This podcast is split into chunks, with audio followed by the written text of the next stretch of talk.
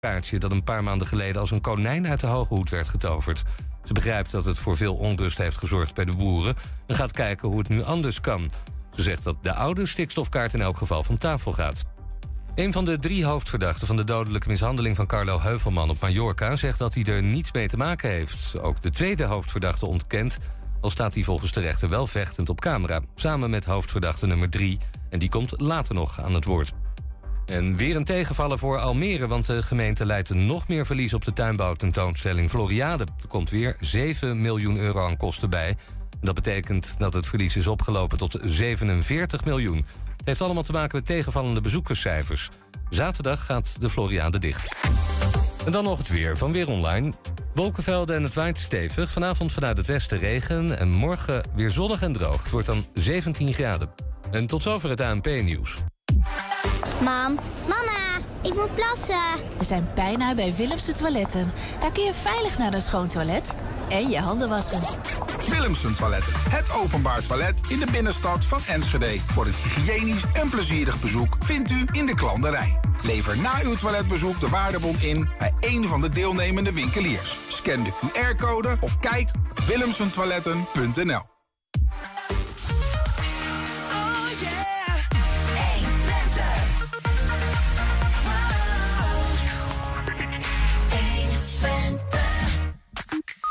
Enschedeer Frans Hovenkamp en zijn zoon Gijs maakten samen een fietstocht door Centraal-Azië die wekenlang duurde. Ja, een bijzondere hoofdrolspeler in de nieuwe familievoorstelling van het Enschedese theater Zonnevank. Op het stationsplein in Enschede staat sinds gisteren een aantal grote opvallende foto's. En in aanloop naar Internationale Dag van de Palliatieve Zorg brengt een Twents-netwerk voor deze vorm een zorg, uh, ja, een speciaal wensboekje brengen ze uit. Woensdag 5 oktober. Dit is 120 vandaag.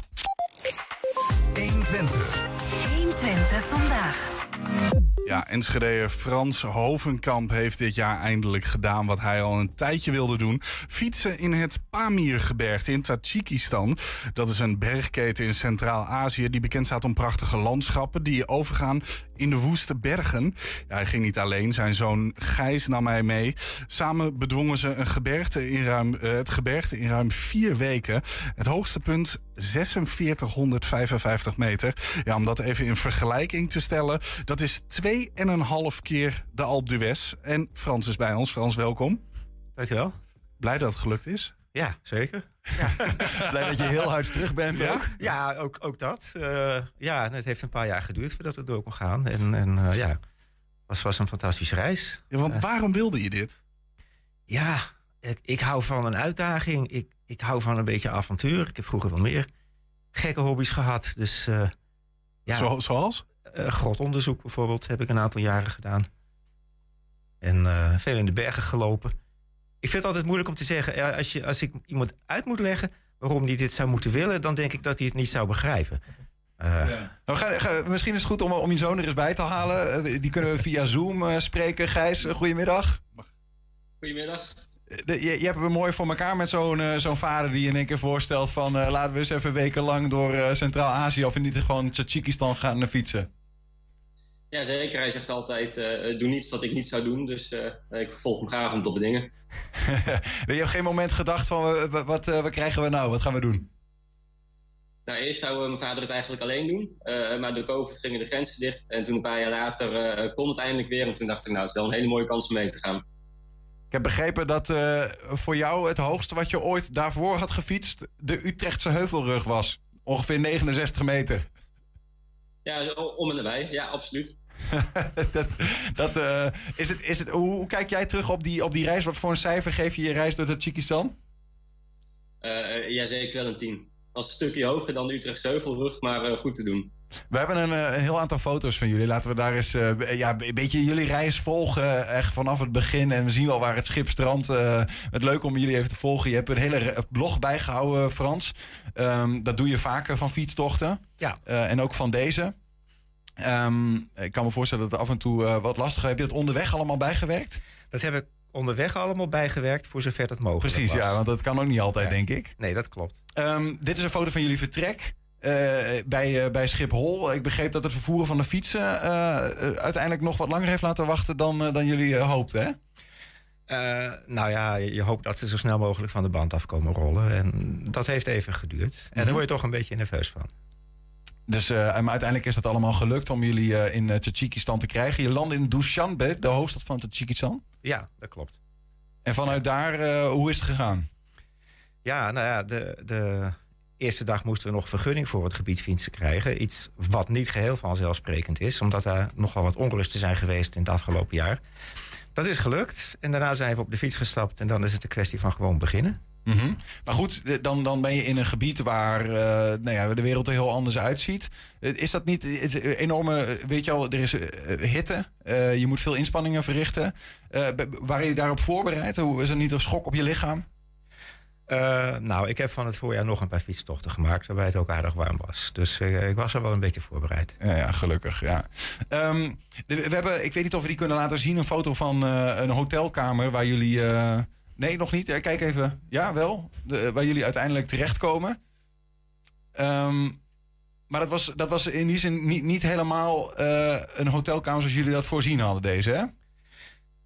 Nee. Nou, het is in Tajikistan zo dat er niet zo heel veel hotels zijn. Maar dat als je de bevolking vraagt of ze ergens onderdak hebben... dat ze vanuit een cultuur eigenlijk verplicht zijn om onderdak voor je te regelen. En dat gebeurde eigenlijk ook altijd. Dus het is een gigantisch gastvrij volk. Ja.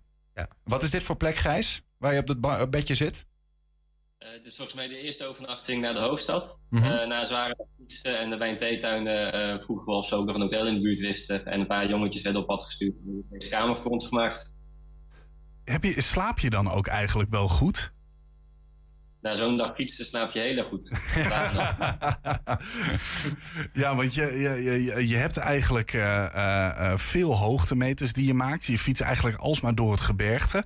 Uh, heb je dan ook daar veel last van, van al die hoogte? Ja. van de hoogte niet. Van de ongelooflijk slechte wegen, dat is wel heel vermoeiend om te fietsen. Ja. De wegen zijn niet geasfalteerd, om het maar zo te zeggen. Ik hoorde, ik hoorde Frans hier ja. zeggen ja. nou, als je boven de 4000 meter komt, dan ben je wel wat vlotter buiten adem. Ja, absoluut. Ja, ja ik, ik, hoor hier ook al twee net wat andere meningen. kon, kon, jij alles nog bijbenen, Frans? Uh, ik kwam wel boven, maar uh, ik kon Gijs niet bijhouden. Nee? Dat, uh... jij, jij, bent wat sportiever aangelegd, Gijs? nee, ik denk dat het vooral 40 jaar scheelt. dus ik ben niet reuze sportief, maar met mijn leeftijd heb ik wel een voordeel. Maar jij zei net ook, uh, Gijs, de, de, de wegen hielpen niet altijd mee. Vertel eens. Uh, nou, op een gegeven moment was er één verlijf van 300 kilometer. Waar eigenlijk altijd de vraag is of er wel een weg is en of die niet net weggespoeld is of door een aardverschuiving uh, nou, bedekt is. en dat is ook allemaal onverhard. En dat is wel heel vermoeiend om op kruis omhoog te fietsen. Maar het is wel altijd gelukt? bijna altijd. Kleine stukjes hebben we gelopen, maar het overgrote deel hebben we gewoon kunnen fietsen. In het wielrennen is het zo dat voetje uh, van, van het pedaal af is verschrikkelijk. Hoe heb je dat ervaren, Frans? Nee, eigenlijk helemaal niet. Ja, dat, dat hoort erbij. Ja. Er waren stukken zo stijl dat we met uh, fietsen één, tweeën één fiets omhoog moesten duwen. Ja, we houden het op. Is, is dat zwaar dan met zo'n met zo'n fiets? Zwaarder dan normaal fietsen ermee? Ja, je fiets weegt 20 kilo en er zit 25 kilo bagage op. Doe maar. Dus, uh... Want je hebt voor die vier weken, ja, ik probeer me een beeld voor te stellen. Heb je alle, alle dingen die je eet onderweg en zo, heb je die allemaal bij je of koop je die nog ergens? Nee, je krijgt meestal onderweg te eten in de hotels en in de guesthouses. Maar voor die, die zes dagen door die vallei hebben we alles mee moeten nemen. Klopt. Ja, ja, de, ja. Dat, dat is een, een stukje no man's land waar jullie uh, doorheen zijn gekomen. Ja, je, je fietst echt 150 kilometer en dan kom je twee herdershutten tegen. Ja. Dat is alles. Um, in, de, in Delhi, als je daar bent, dan hebben we zo onze zogenaamde Delhi, um, Delhi Belly, waar ze over praten. maar er is ook een Pamir Belly, hebben jullie gemerkt, hè? Ja, dat klopt. Ja. Daar hebben we allebei behoorlijk last van gehad. Wat is dat? Ja. Uh, nou, dat is niet zo heel smakelijk om daar uitgebreid over te vertellen.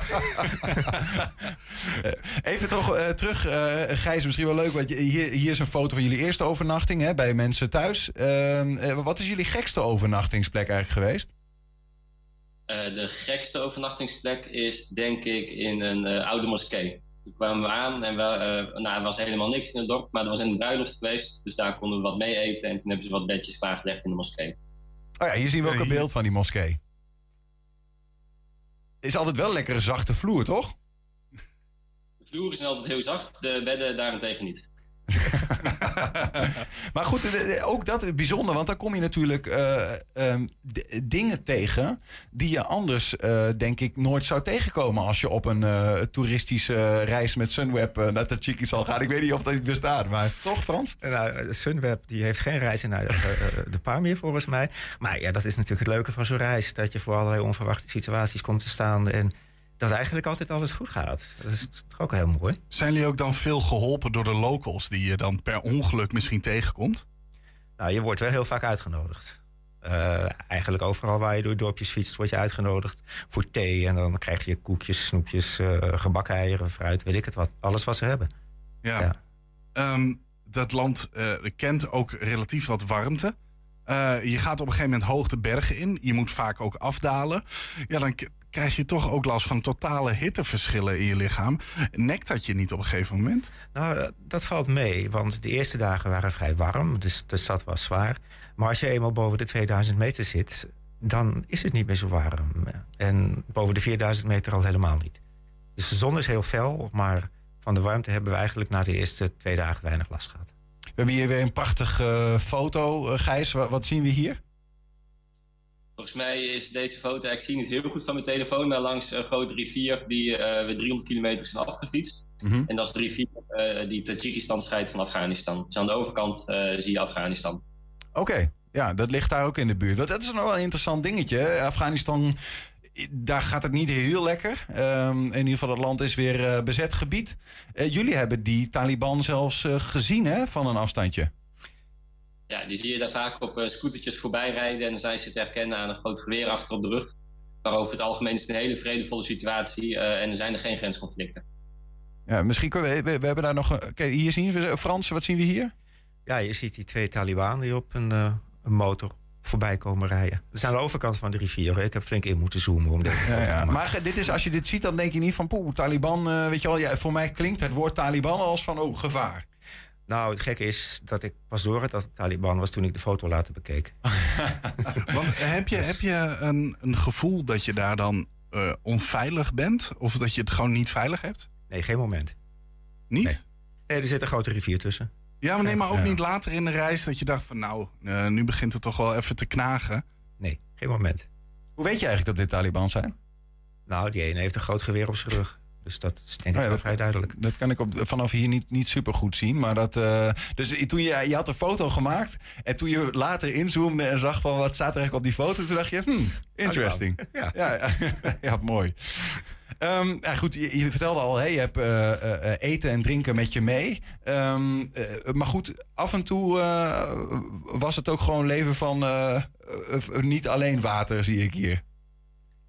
nee. Fanta was gelukkig overal, bijna overal te krijgen. En dat, uh, is dit voor de veiligheid ook? Uh, nou, we kochten flessenwater of we steriliseren het. Oké. Okay. Dus nee, dit is gewoon voor de energie. Ja, ja. Wat is, wat is het uh, wat je het meest hebt gemist als het ging om eten en, en, en drinken, Gijs?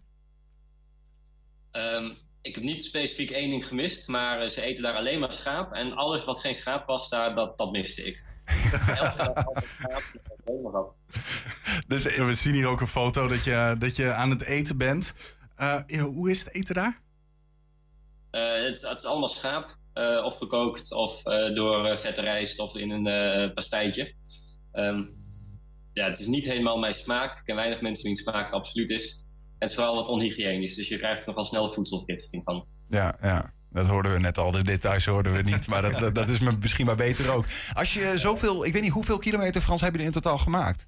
Ik denk 1400 ongeveer. 1400 kilometer over dit soort uh, nou ja, onherbergzaam gebied soms. Uh, ja. Hoe gaat het dan met je fiets? En uh, heb je, hoe waren jullie daarop ingespeeld? Heb je hem af en toe moeten repareren? Nee, totaal niet. gewoon goede fietsen? We hebben gewoon goede fietsen. We hebben zelfs geen lekke band gehad.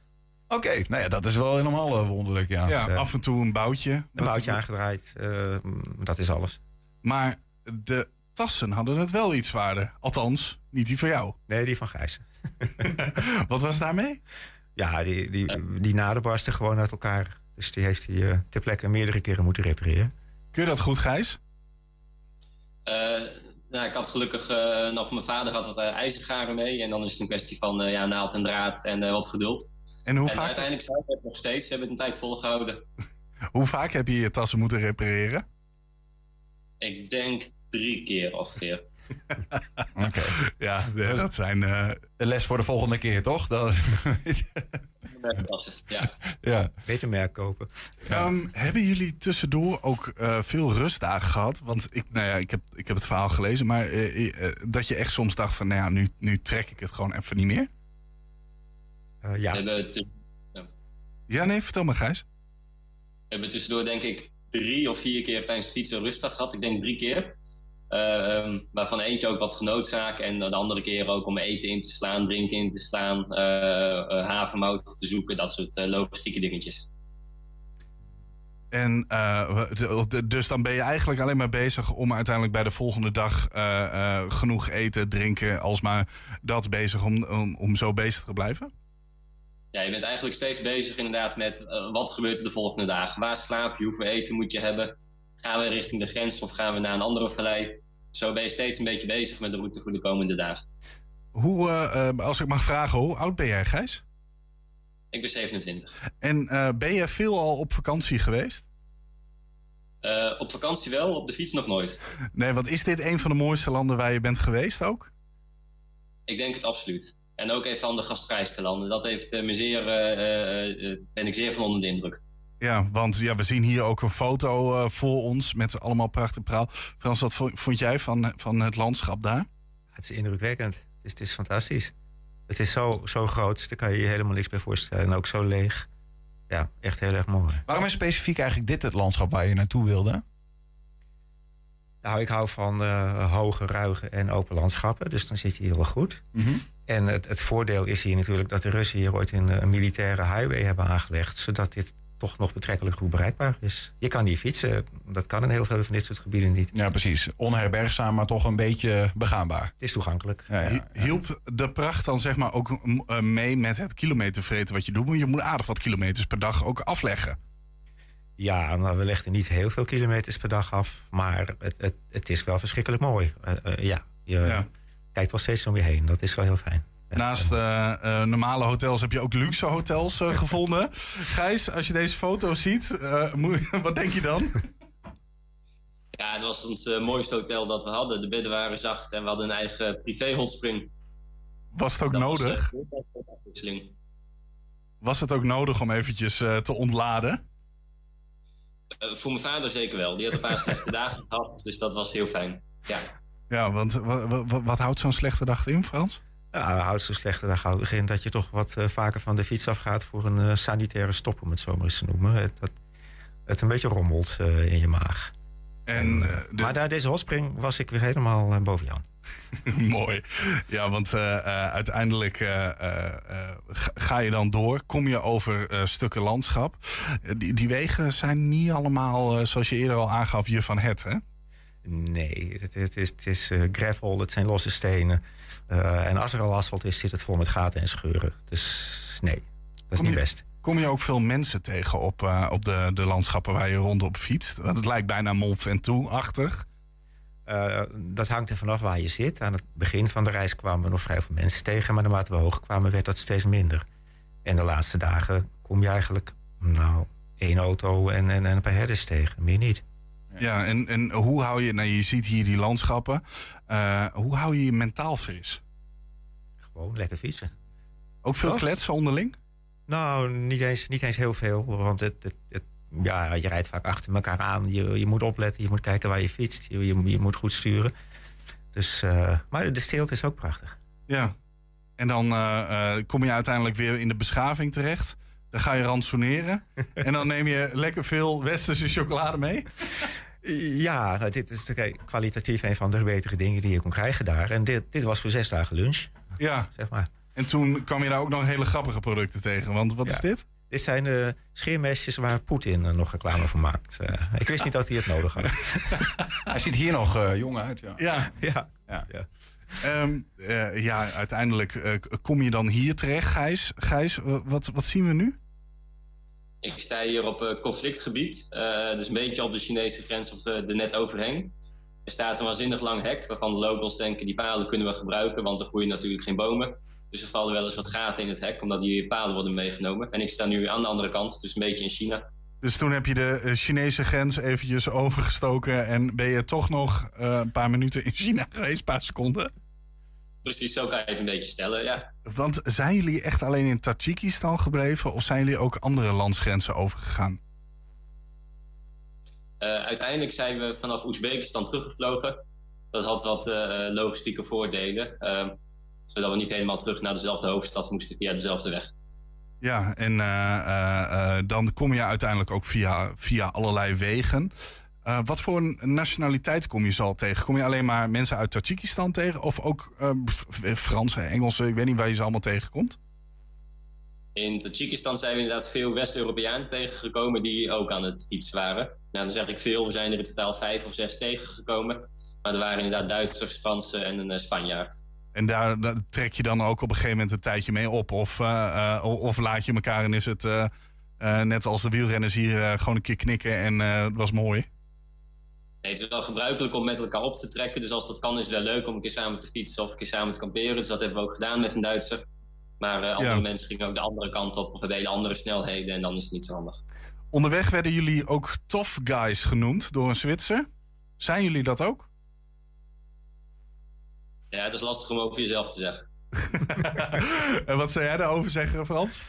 Nou, je, je, je moet wel iets aankunnen. Maar als ik het kan, dan... Uh, ja, ja. wel heel mogelijk. Nou, hele, in ieder geval een hele, hele bescheiden tough guy. Uh, dat is mooi. hey, wat is dit, joh? Een, uh, Frans, een, de trekker in het water. Is dit een boerenprotest wat mis is gegaan? nee, nou ja, er de, de, wordt wel eens wat aan de weg gewerkt. En, soms laat ze het spul staan en dan gebeurt er dit. Oké, want dan komt er een soort van vloedgolf vanuit de bergen. Moet ik dat zo zien? Ja, ik denk dat ze me even verkeerd hebben geparkeerd. Heb ik gezegd.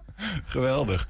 Nou ja, super veel avonturen. Weet je, er zijn echt zoveel foto's om te laten zien. Maar misschien goed om uh, naar de terugkomst uh, hier te gaan. Um, dit is weer op dezelfde plek als waar het begonnen. Ja, dit is Schiphol. Schiphol. Ja. En toen, wat, wat zijn dan, uh, er komt dan allerlei bekenden weer tegen, neem ik aan. Zo. Wat, uh, wat gaat er dan door je heen, om het zo te zeggen? Nou, dat, dat, was een klein gezelschap, mijn vrouw en Gijs en vriendin. En uh, dat was heel gezellig om elkaar weer te zien natuurlijk. En ja. wat zeg je dan tegen elkaar? Weinig? Of van de vermoeidheid?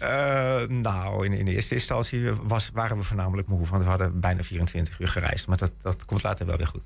Ja, en uh, uh, uiteindelijk is het dan ook wennen voor je lichaam als je weer in zo'n totale stil uh, valt van, van zoveel bewegen per dag naar niks doen? Voor mijn lichaam niet, maar ik, ik heb wel nog een beetje heimwee, eerlijk gezegd, naar de leegte en de ruimte en de stilte van de Pamiers. En, van, en de bergen. Ja, ja, hier is eigenlijk niks ja. van dat alles. Ja, de gasvrijheid misschien bij sommige mensen nog. Ja. Ook, heb jij ook heimwee, Gijs? Ja, absoluut. Ja, het is wel echt uh, wennen om weer in Nederland te zijn. Dus uh, nee, snel weer. Uh, ben, snel ben je blijven niet, niet lang in Nederland, als ik het goed heb? Nee, dat klopt. Ik ga over een tijdje naar Zuid-Amerika voor een paar maanden. Oké, okay, en daar ook rondfietsen? Of? meer rondlopen. Ja, daar ga ik wandelen in Patagonië. Je bent uiteindelijk jouw moeder weer tegengekomen, Gijs, op het vliegveld. Wat is het eerste wat je tegen haar zei? Oeh, dat is een hele goede vraag. Nee, geen idee eigenlijk.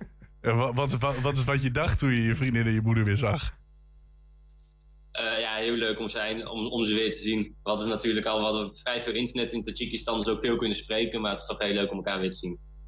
Waar ik, waar ik, nog wel benieuwd naar ben, jullie hebben dit ondernomen. Ik weet niet of jullie dat vaker doen, vader-zoon. Ik denk dat er heel veel vaders en zonen zijn die, die hier wel jaloers op zijn. Die zeggen van ja, eigenlijk hè, is dat uh, mooi om een keer uh, een lange tijd met elkaar op te trekken. En in dit geval bijna niemand om je heen, Frans. Hoe, wat voor een invloed heeft dit op die vader-zoon relatie gehad?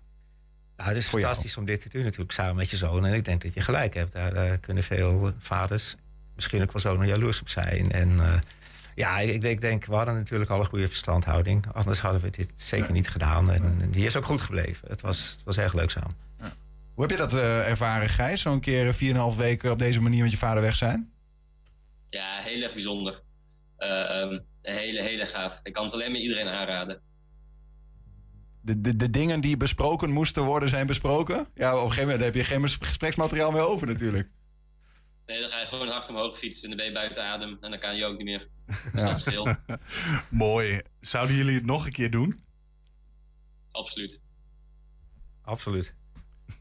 Kijk eens aan. Frans en eh, Gijs Hovenkamp waren bij ons om te praten over hun eh, waanzinnige tocht door Tajikistan. Dank u wel, heren. En ehm, nou ja, veel plezier. En uh, mocht er de volgende keer zijn, laat het ons vooral weten. Dankjewel. Dank jullie wel.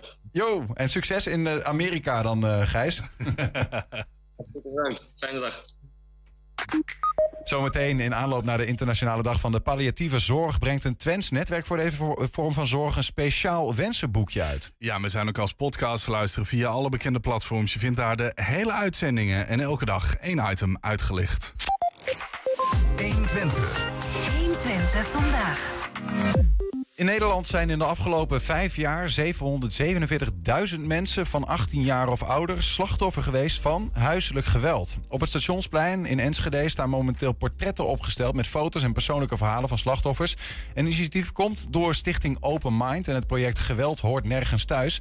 Door deze expositie proberen zij huiselijk geweld bespreekbaar te maken. zijn hier op het stationsplein in Enschede. Klopt. Ehm, we z- zien hier allemaal portretten staan. Ja. Wat is de reden hiervoor?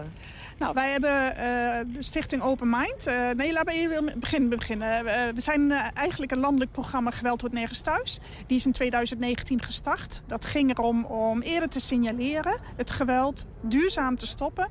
En ook vooral aandacht aan specifieke groepen. Zoals bijvoorbeeld inderdaad ouderen die met mishandeling te maken hebben. Of eh, andere eh, groepen. Nou, vanuit dat eh, programma is er contact geweest met Stichting Open Mind.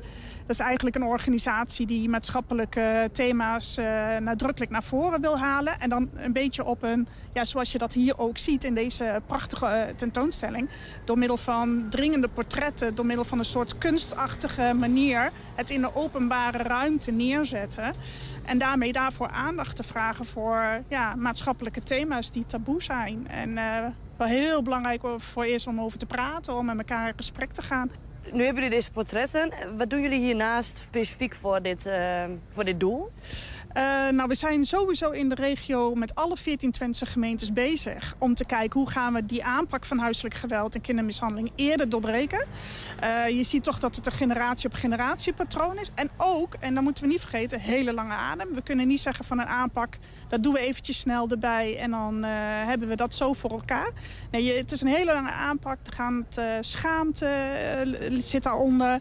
Uh, het zijn vaak hele langdurige trajecten. Dat kun je ook lezen in de portretten. Het is niet van een aantal jaar de mishandeling. Die zijn echt wel jaren. En uh, om dat met z'n veertien gemeentes, om daar in ieder geval focus op te hebben... hoe doen we dat gezamenlijk op dezelfde manier, dat we elkaar verstaan. Dus dat zit, ligt onder deze hele tentoonstelling.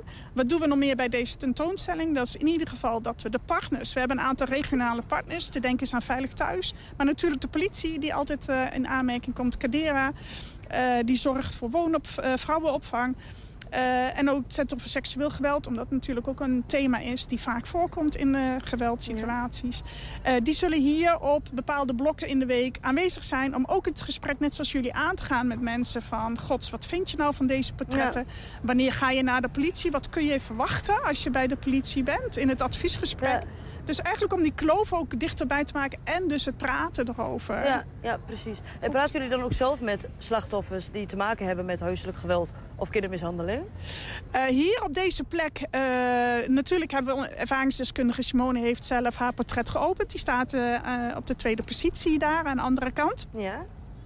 En uh, wij zijn uh, aan het kijken of uh, vaker met haar, want vooral, hè, en dat geldt voor al deze geportretteerden, het is zo moedig om op zo'n groot scherm jouw verhaal te vertellen wat ja. er gebeurd is. Zeker. Dus heel veel bewondering ervoor. Maar zij allen staan erachter om het bespreekbaar te maken. Zij allen willen zich inzetten uh, om maar die ene te helpen. Om de hulpvraag naar boven te krijgen.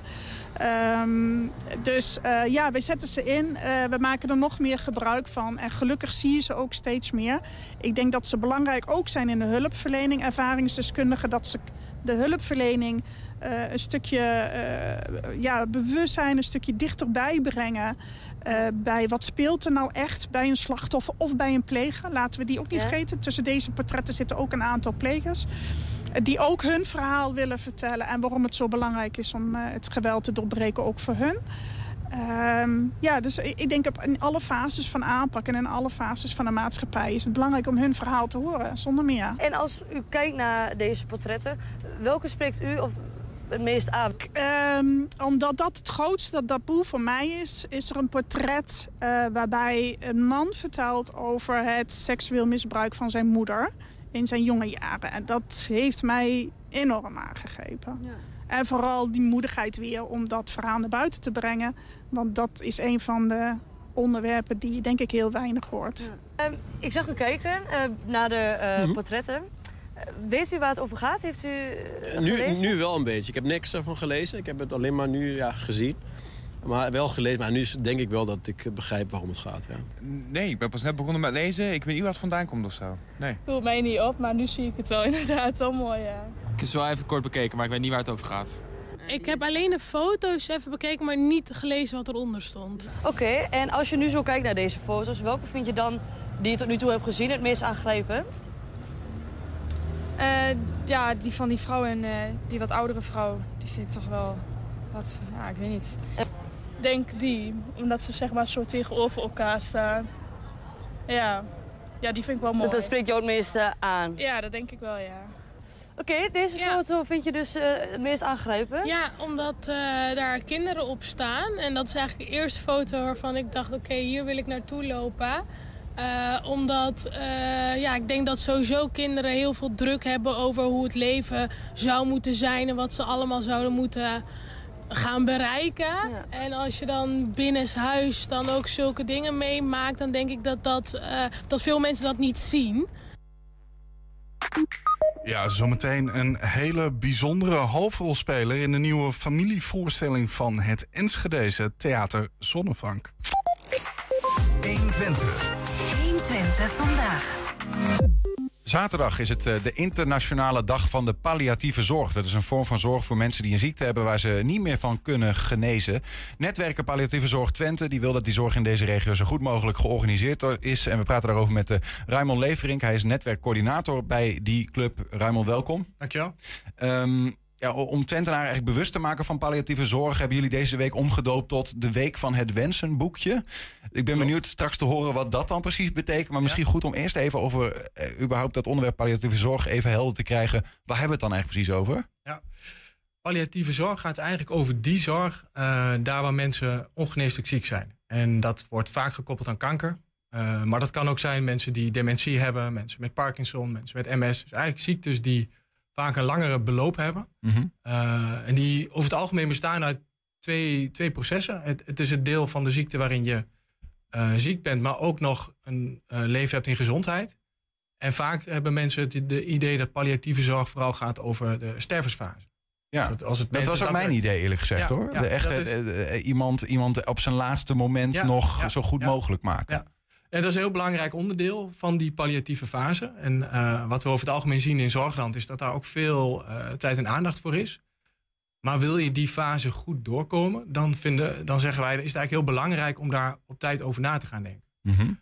um, vaak in die laatste twee, drie weken is er veel hectiek. Is het spannend, is het ingewikkeld. Uh, zijn veel emoties, verdriet vaak. Ja. Dus wil je daarin goede keuzes maken, zeggen wij, begin op tijd na te denken over ja, wat wil je eigenlijk, wat zijn je wensen, je waarden, je behoeftes in die periode? Hoe zie jij dat voor je? Ja, en ik neem aan dat dat wensenboekje ook daarmee te, te maken heeft. Absoluut. Maar misschien goed om toch voordat we daar naartoe gaan. Uh, want als je, dan begrijp ik dat, stel dat je ja, ik weet niet, op, op heel jonge leeftijd al hoort dat je een progressieve ziekte hebt waarmee ja. je over een, nou, misschien wel een twintig jaar tijd uh, ja. langzaam gaat af, uh, de kwaliteit van leven gaat afnemen. Zit, ben ik dan ook al uh, aan, aan palliatieve zorg verbonden feitelijk? Ja, feitelijk wel. Ja, ja, ja, dus het is niet zo gekoppeld aan termijnen of jaren. Hè. Er zijn wel in de zorg een aantal um, vragen. Bijvoorbeeld, zou het mij verbazen als deze persoon over een jaar nog leeft? En als het antwoord negatief is, zou je kunnen zeggen, is die palliatief? Mm -hmm. Maar wij zeggen bijvoorbeeld iemand met dementie, die eigenlijk nog heel, heel fit is verder en nog gezond is en misschien nog wel tien jaar kan leven, is ook palliatief. Ja. En dan is het niet zozeer dat iemand al heel ziek is, maar dat het vooral gaat over wat is voor mij van waarde op het moment ja. dat ik wel zieker word.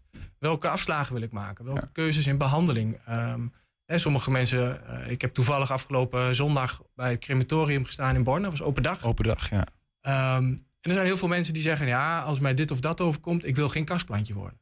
He, gewoon gezonde mensen. En dan zeg ik, ja, dat is, eh, lijkt me een heel goed uitgangspunt. Maar wat heb je daarvoor geregeld? Hoe, hoe, wie, wie weet dat van jou? Um, wat betekent dat kastplantje? Uh, dus het zit hem er vooral in dat mensen vaak in hun hoofd wel weten wat ze willen. Maar dat het vaak niet gedeeld wordt, opgeschreven wordt of eh, dat eh, naasten eh, dat gewoon niet kennen.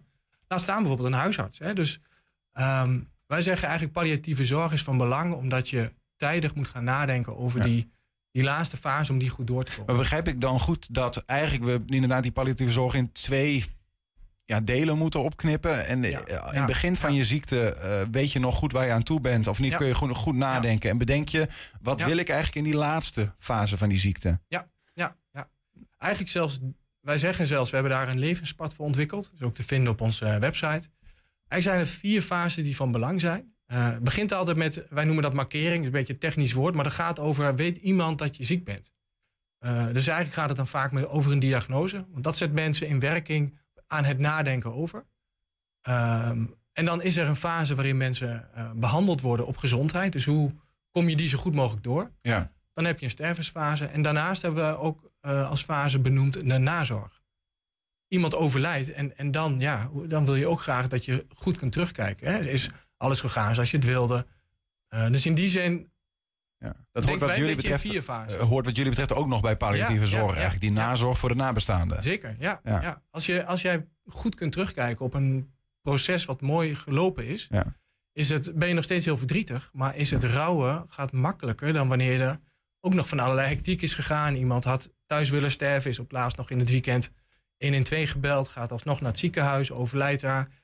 Mensen hebben daar vaak best wel veel moeite mee. Ehm, nou, wat wij dan zeggen is, als je goed kunt beschrijven en mensen weten dat je eigenlijk thuis wilt sterven, kun je daar soms veel beter op sturen en hoeft, hoef je in die hectiek misschien niet meer naar het ziekenhuis. Kan een behandelend arts op dat moment een andere keuze maken. Ja. En voor nabestaanden kunnen dan veel meer terugkijken met... goh, het is eigenlijk wel mooi gegaan zo. Ja. En wij weten dat dat in het, in het proces van rouw eh, ontzettend helpt. Ja, dus eh, is dat ook de reden? Want ik kan me voorstellen, als je, als je vier fasen hebt, dat je op alle vier fasen zou kunnen inzoomen. Maar het klinkt alsof het wensenboekje vooral op de eerste fase is gericht. Ja, nou wat wij eigenlijk vooral doen eh, als netwerk hebben wij eigenlijk twee taken. Die, die zijn ons op, opgelegd ook door het ministerie van, van Volksgezondheid. Enerzijds bewustwording. En dat wensenboekje is heel erg gericht. Het is ook een heel, ja, heel simpel boekje eigenlijk met vragen als... Waar, wil je begraven worden of gecremeerd? Eh, wie moet er daarbij zijn? Wat wil je verder nog geregeld hebben? En dat is echt een bewustwordingscampagne eh, met dat boekje... om mensen bewust te maken van wat, wat willen we eigenlijk? Wat is belangrijk? Hoe zie je het eruit? Daarnaast zijn wij ook druk bezig om zorgprofessionals goed te ondersteunen in, in het proces van zorgverlenen aan iemand in een palliatief proces. Ook bij veel zorgverleners zie je nog vaak dat palliatieve zorg wordt gekoppeld aan dat laatste stukje. Ja. Eh, dus daar, daar is nog wel een wijdverbreid misverstand over. Maar wat, Ja. wat, wat, wat voor een ehm, effect heeft dat dan dat zorgverleners ehm, daar op die manier naar kijken? Wat, wat, zou het, wat zou er te winnen zijn op het moment dat zorgverleners inderdaad zien... palliatieve zorg is ook die eerste fase? Ja, nou ik denk, ehm, eh, we hebben eh, onlangs een mooi gesprek gehad met Henny Keekstra. Zij is palliatief verpleegkundige bij de Posten. Eh, werkt daar onder andere met mensen die diep dement zijn. Eh, zij halen daar het levensverhaal op. En dat, er was een mevrouw die was zo dement, er was eigenlijk geen contact meer mee te krijgen. Totdat ze wisten dat ze heel erg van tuinieren hield. En op dat moment hebben ze gewoon wat, wat, wat, wat, wat bloemen uit een tuin geplukt, uit haar eigen tuin. Die haar in de hand gedrukt. En dan zie je dat zo'n mevrouw eigenlijk weer op, opknapt, opklaart. Hè? Dus ehm, ja, dan is het heel belangrijk dat je mensen goed kent en naar hun waardes, wensen, behoeftes kunt werken. Eh, maar bijvoorbeeld dementie. ehm, ja, als mensen daar hele duidelijke gedachten voor zichzelf over hebben. Dus op het moment dat ze een diagnose krijgen en uitspreken. eh, als ik echt niks meer kan zeggen, dan wil ik er niet meer zijn. Eh, ja, dat gesprek kun je alleen maar voeren als mensen net de diagnose hebben gehad. Omdat Ja. ze dan nog redelijk in staat zijn tot nadenken, reflectie. Dat gesprek. gebeurt nu eigenlijk te weinig. Dat gebeurt vaak niet. Nee, dat klopt, te weinig. Ja. Ja. Mensen laten dat zelf lopen. Of, en dat zien we ook wel. Heel veel mensen hebben nog heel erg de neiging eh, om te denken... ja, eh, als het dan zover is, dan zie ik het wel. Mhm. Of ehm, ja, ik wil er niet zoveel over nadenken. Of, of ze denken er wel over na. Dat viel mij afgelopen zondag in Borne nog weer op. Ehm, maar bespreken het niet en delen het niet met anderen. Ja. Hoe, op welke manier proberen jullie dan ook in dit soort zorginstellingen die, die bewustwording te creëren? Eh, wij doen veel aan scholingen. Dus deskundigheidsbevordering met een mooi woord. Ehm, alle zorginstellingen in Twente die lid zijn van het netwerk... kunnen gratis gebruik maken van het wensenboekje. Dat promoten wij ook veel. Eh, we hebben een scholing ontwikkeld waarbij we mensen helpen... op na te denken over dat palliatieve proces. En dat het dus eigenlijk meer is dan die stervensfase, die iedereen over het algemeen wel als heel belangrijk ervaart. Maar dat het ook gaat over dat stuk daarvoor. En, en eigenlijk met elkaar goed in gesprek zijn. eh, wat zou iemand nog willen? Eh, als iemand kwetsbaar is en een longontsteking krijgt, wil je dan nog wel behandelen? Of is het wel goed zo? Er zijn genoeg mensen op leeftijd die heel graag zo oud mogelijk willen worden. Maar er zijn er ook genoeg die zeggen, nou, ik heb een goed leven gehad. En als ik een longontsteking krijg en daar moet ik aan overlijden, is mij dat prima. Ja, ja. En heel vaak weten we dat nu niet. En die longontsteking ontstaat en mensen gaan behandelen. En, en ja, dat is vaak jammer. Het is natuurlijk ook wel een vraag die je gewoon niet wil beantwoorden soms, denk ik. Hè? Absoluut, Ik, ja. kan me, eh, ehm, eh, te- ik weet, mijn moeder kwam laatst eh, met wat, wat, wat zaken voor. Stel dat ik er niet meer ben, dan dit en dat. En ik, ik had eigenlijk helemaal geen zin om erover te praten. Nee, nee, maar dat is heel herkenbaar. Ja. Ik denk dat er is onderzoek geweest. Ik denk dat, laten we zeggen, op een zekere leeftijd mensen voor zo'n 75, 80 procent eigenlijk wel nadenken over de laatste levensfase. Eh, maar een kwart daarvan die, die, die schrijft er iets over op. En een nog minder deel bespreekt dat bijvoorbeeld met een huisarts. Dus Ja. eh, mensen schuiven dat voor zich uit. Mensen, eh, Heb je een tip voor hoe kunnen we proberen die drempel te verlagen voor onszelf of voor onze omgeving? Van denk er toch over na. Nou, ik denk dat de tip eigenlijk heel simpel is. Je kunt met iedereen over elk thema eigenlijk wel in gesprek, als je dat maar gewoon een respectvol gesprek is. Mhm. En wat is voor jou van belang? Wat zou je willen? En hoe kan ik nou zorgen dat jij ehm, ehm, ja, op een goede manier eh, die, die laatste fase doorkomt? En we weten allemaal dat het er een keer aankomt. Hè? Het is gewoon onderdeel van ons leven, die dood. Dus ehm, ja, ga erover in gesprek. Als het lastig is, er zijn heel veel hulpmiddelen. Wij hebben een wensenboekje, maar er zijn een heleboel organisaties die mooie hulpmiddelen hebben. Mhm. Maar, maar vraag het elkaar vooral. En doe dat niet op een moment dat het heel druk en hectisch is, maar doe dat eigenlijk op een moment dat er rust is. Ja. Eh, Toch nog even over eh, de, het laatste stadium van iemands leven en de, Mhm. en, en de palliatieve zorg die dan wordt geleverd. Ehm, eh, hoe ziet dat er eigenlijk uit? Waar hebben mensen op dat moment behoefte aan? Nou, wat, je, wat je vaak ziet is dat palliatieve zorg gaat, wij zeggen een beetje over vier domeinen. Het fysieke domein, dat is eigenlijk het lichamelijke. Dus als mensen misselijk worden of pijn hebben of, of suf raken, dat je daar dus met medicatie vaak veel aan kan doen. Eh, maar mensen hebben ook vaak psychische klachten. Hè? Dus op het moment dat jij heel benauwd wordt, word je angstig. Ehm, nou, daar, het is belangrijk om daar eh, tijd en aandacht voor te hebben. Maar ook wel, eh, stel je hebt kanker, je werkt nog. Ja, wat doet dat voor jouw rol in je gezin? Wat doet dat voor je rol in je, in je, op je werk? Dus ook aandacht voor het, wij noemen dat zingevingsvragen. Hè? Dus wie ben je eigenlijk en Ja. waarom overkomt mij dit? Heb ik pech of mag ik iemand de schuld geven? Dus eigenlijk wat breder praten dan alleen maar over de ziekte. Liefst ook wat breder praten dan alleen met de zieke, maar vraag ook eens aan degene die ernaast staat: hoe gaat het met jou? Eh, dat wordt vaak vergeten. En eh, die, die mensen hebben natuurlijk een, een eigen proces door te maken, want ze verliezen soms een partner, maar ze verliezen zelf, zichzelf daar ook vaak in, in dat proces. En eh, we zijn altijd heel erg gewend om te vragen aan de, aan de zieke: hoe is het met jou?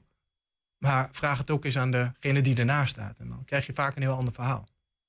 Dank voor wat, eh, voor wat tips op dit gebied, want dat is denk ik heel waardevol. Ehm, jullie gaan aankomende, nou, er zijn al bezig hè, deze, zeker. deze week om eh, die wensenboekjes her en der te Absoluut, verspreiden. ja. Wat gebeurt er allemaal in deze week van de, of de, zeg maar de, zaterdag de dag van de palliatieve zorg, maar deze week van het wensenboekje? Nou, we hebben een aantal dingen. We hebben drie lunchbijeenkomsten opgenomen. Een beetje in de setting zoals we hier nu met elkaar zitten. Eh, eentje was dinsdag, die is ook nog terug te kijken. Dat gaat over gewoon in de basis, wat is palliatieve zorg? Morgen is een lunchbijeenkomst ook opgenomen, start om 12 uur. Te bekijken via YouTube. Over ehm, palliatieve zorg in verpleeghuizen. Wat kom je tegen? Dus die is echt wel heel erg gericht op zorgprofessionals. En vrijdag is een hele mooie sessie over de mantelzorger en de, en de rol van de vrijwilligers in de palliatieve zorg. En die zijn heel belangrijk. Eh, waarbij we vooral kijken naar hoe, hoe is die mantelzorg nou betrokken bij dat zorgproces. En wat heeft die eigenlijk nodig om dat goed te kunnen doen. Ja. En zaterdag staan we in Hengelo, Enschede, Borne, Oldenzaal en Almelo op de markt. Met wensenboekjes om mensen, om eigenlijk dat gesprek aan te gaan. Ja, ja, En, en eigenlijk bewustwording te creëren. Nou, dank dat je dat bij ons ook eh, even kort wilde eh, toelichten en eh, nou, die bewustwording ook wilde creëren hier. Eh Raymond Leverink, dankjewel en eh, veel succes deze week. Dankjewel. Ja, heb je een tip voor de redactie? Mail dat dan even naar info.120.nl 120. 120 vandaag. In Enschede gaat zaterdag een bijzondere familievoorstelling in première. Theater Zonnevank en Silberzee brengen dan een productie op de planken met in de hoofdrol een robot. En hopelijk hebben we daar een, een stukje video van.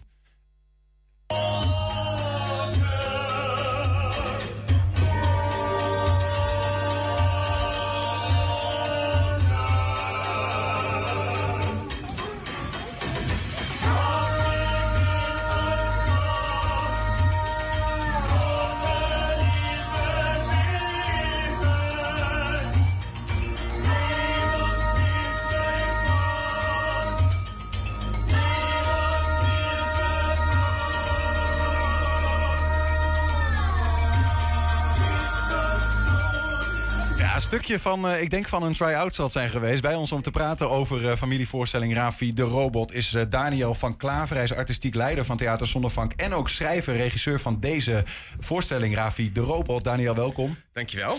Eh, ja, vanmiddag de tweede try-out hoorde ik voor dit stuk.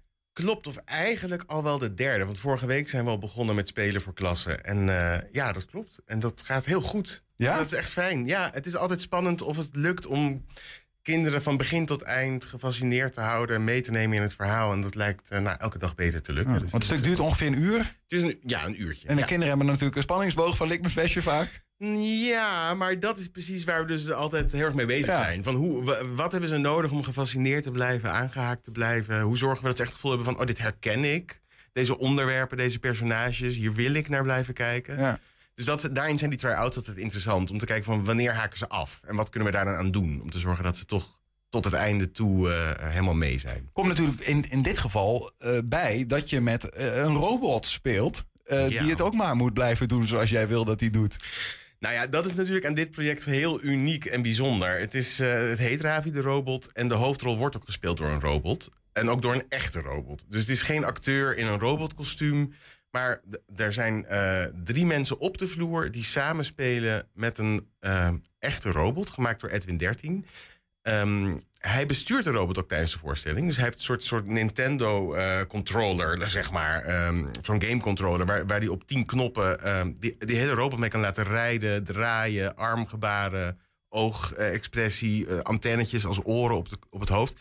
En er is een zanger, eh Georgi sorry, eh, Stojanov, die zit in een geluidsdichte ja, studio, zou je kunnen zeggen, verstopt in het decor. En die doet dus live de stem van die robot. Dus we hebben twee mensen die samen ziel geven aan Ravi. Ja, waanzinnig. We hebben een stukje video waarin Edwin 13, de maker van die robot, ook een beetje uitlegt hoe die dan met die robot aan het werk is en, en hoe die ongeveer werkt. Laten we even kijken. Oh, leuk, leuk.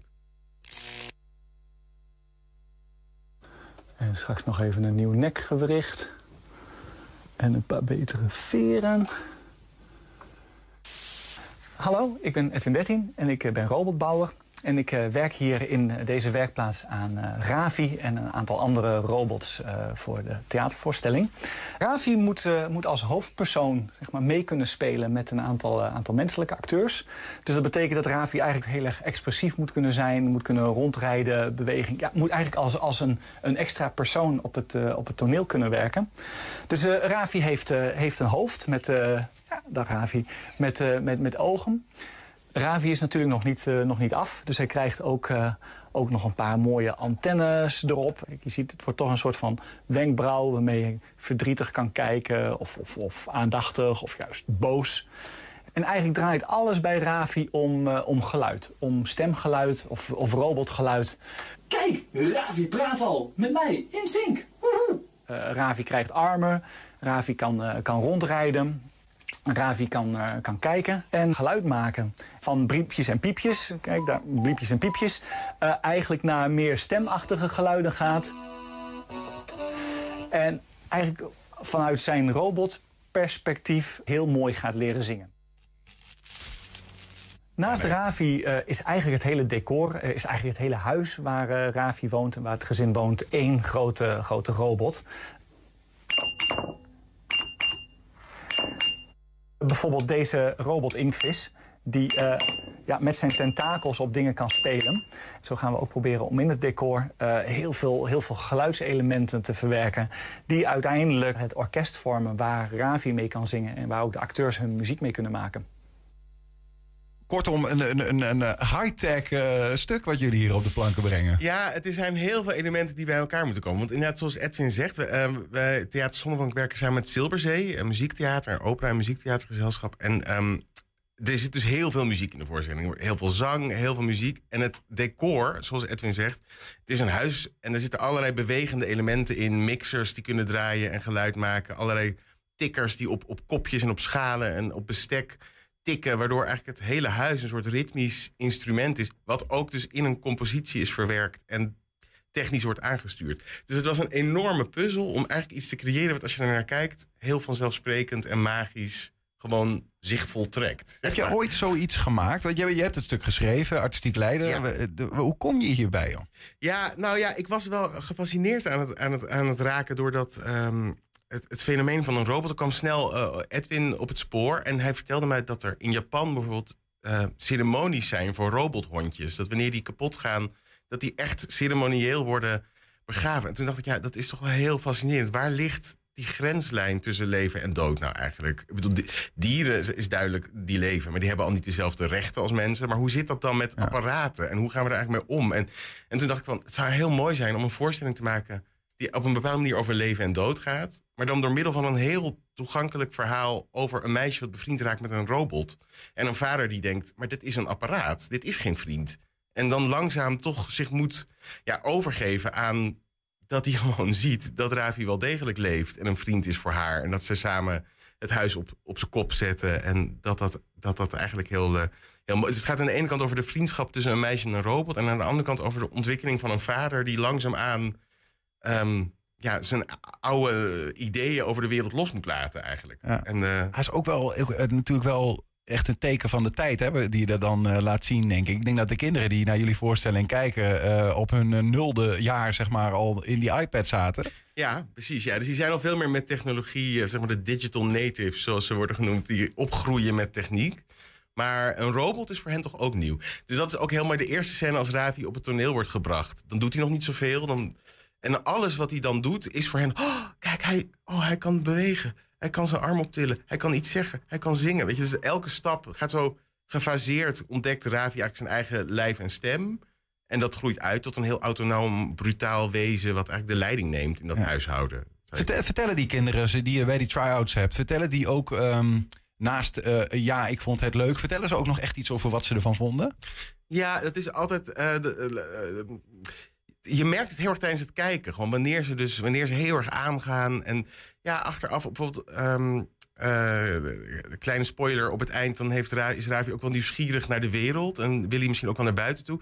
Dat vinden kinderen dan aan de ene kant ook wel een beetje zielig. Want ze zijn zo van Ravi gaan houden. Dat ze denken, nee, blijf gewoon lekker hier. Weet je wel. Dus, dus we leven emotioneel wel heel erg mee. Eigenlijk wat je precies in dat stuk wil vertellen... van een meisje wat verliefd raakt... of eigenlijk Ja, bevriend raakt met die robot... ja. dat hebben die kinderen ervaren dat zelf. Die leven mee met... Eigenlijk wel, ja. Dus dat is ook heel erg wat we proberen. Dat ze gewoon met al die scènes zich emotioneel heel erg verbinden. Door gewoon, ja, door, door toch ook dingen eh, te herkennen in dat meisje. En zien ook dat in het begin van het verhaal dat meisje namelijk geen vrienden. Die voelt zich heel alleen. Haar vader kan daar moeilijk over praten. Weet niet goed wat hij met haar aan moet. En door die vriendschap met Ravi breekt er ook iets ja, open. Zowel bij die vader als bij haar. Dat op het eind denkt ze ook van, oh, ik heb wel weer zin om naar school te gaan. Ik heb wel weer zin om... Dus, dus, dat, eigenlijk, dus die techniek, die, die technologie brengt dat als het ware iets heel menselijks teweeg. Is dit huis. uniek in Nederland? Weet je dat? Ik, eh, Ja, ik heb wel de indruk dat er meerdere voorstellingen over robots zijn gemaakt, maar zover ik weet, nooit op deze manier. Dus dat een, een robot, een sprekend en bewegend robotpersonage van begin tot eind een hoofdrol heeft. Nee, ik heb dat nooit eerder gezien. Nee. Want ik, ik, begrijp ook dat Edwin, eh, de maker van de robot die we net zagen, dat hij een, een, eh, een soort, ja, wat is het, organisatie heeft een robot in theater. Dat hij wat meer eh, robot in theater, robotica in theater zou willen zien. Ja, hij heeft een robot theaterlab, inderdaad. Hij is iemand die is, die is gewoon een beetje van alle markten thuis wat dat betreft. Hij geeft les op de universiteit eh, in de creatieve technologie. Maar hij eh, doet ook veel met beeldende kunst en met theater al zijn hele leven lang. En met muziek. Dus voor hem zitten daar allerlei raakvlakken in. In hoe hij dus die, die, die levende techniek ook inzet in theatrale en kunstzinnige eh, ja, omgevingen. Ja, ja. Dus hier komt dat wel heel erg perfect bij elkaar. En eh, voeg je je in zijn missie om eh, robotica in theater te krijgen? Want je hebt hier nu mee te maken gehad. Is, smaakt dit naar meer? Nou, nu eigenlijk, al? eigenlijk wel, moet ik eerlijk zeggen. Dus ook, ook de combinatie met muziektheater, hoe we dus ook muziek kunnen maken met bewegende. Dus de combinatie van mensen die muziek maken en spullen die muziek maken, technisch aangestuurd. En dan, ja, dat smaakt wel naar meer, ja. Ja, ik ben daar wel, ik zou, we zeggen heel vaak tegen elkaar, we moeten een vervolg op Ravi maken over twee jaar. Ja, ja. Ik ben ontzettend. Ik, het, het, het triggert me heel erg. Een robot die de hoofdrol speelt en het decor wat geluid maakt en dingen doet. Ja. Eh, wat dat dan betekent.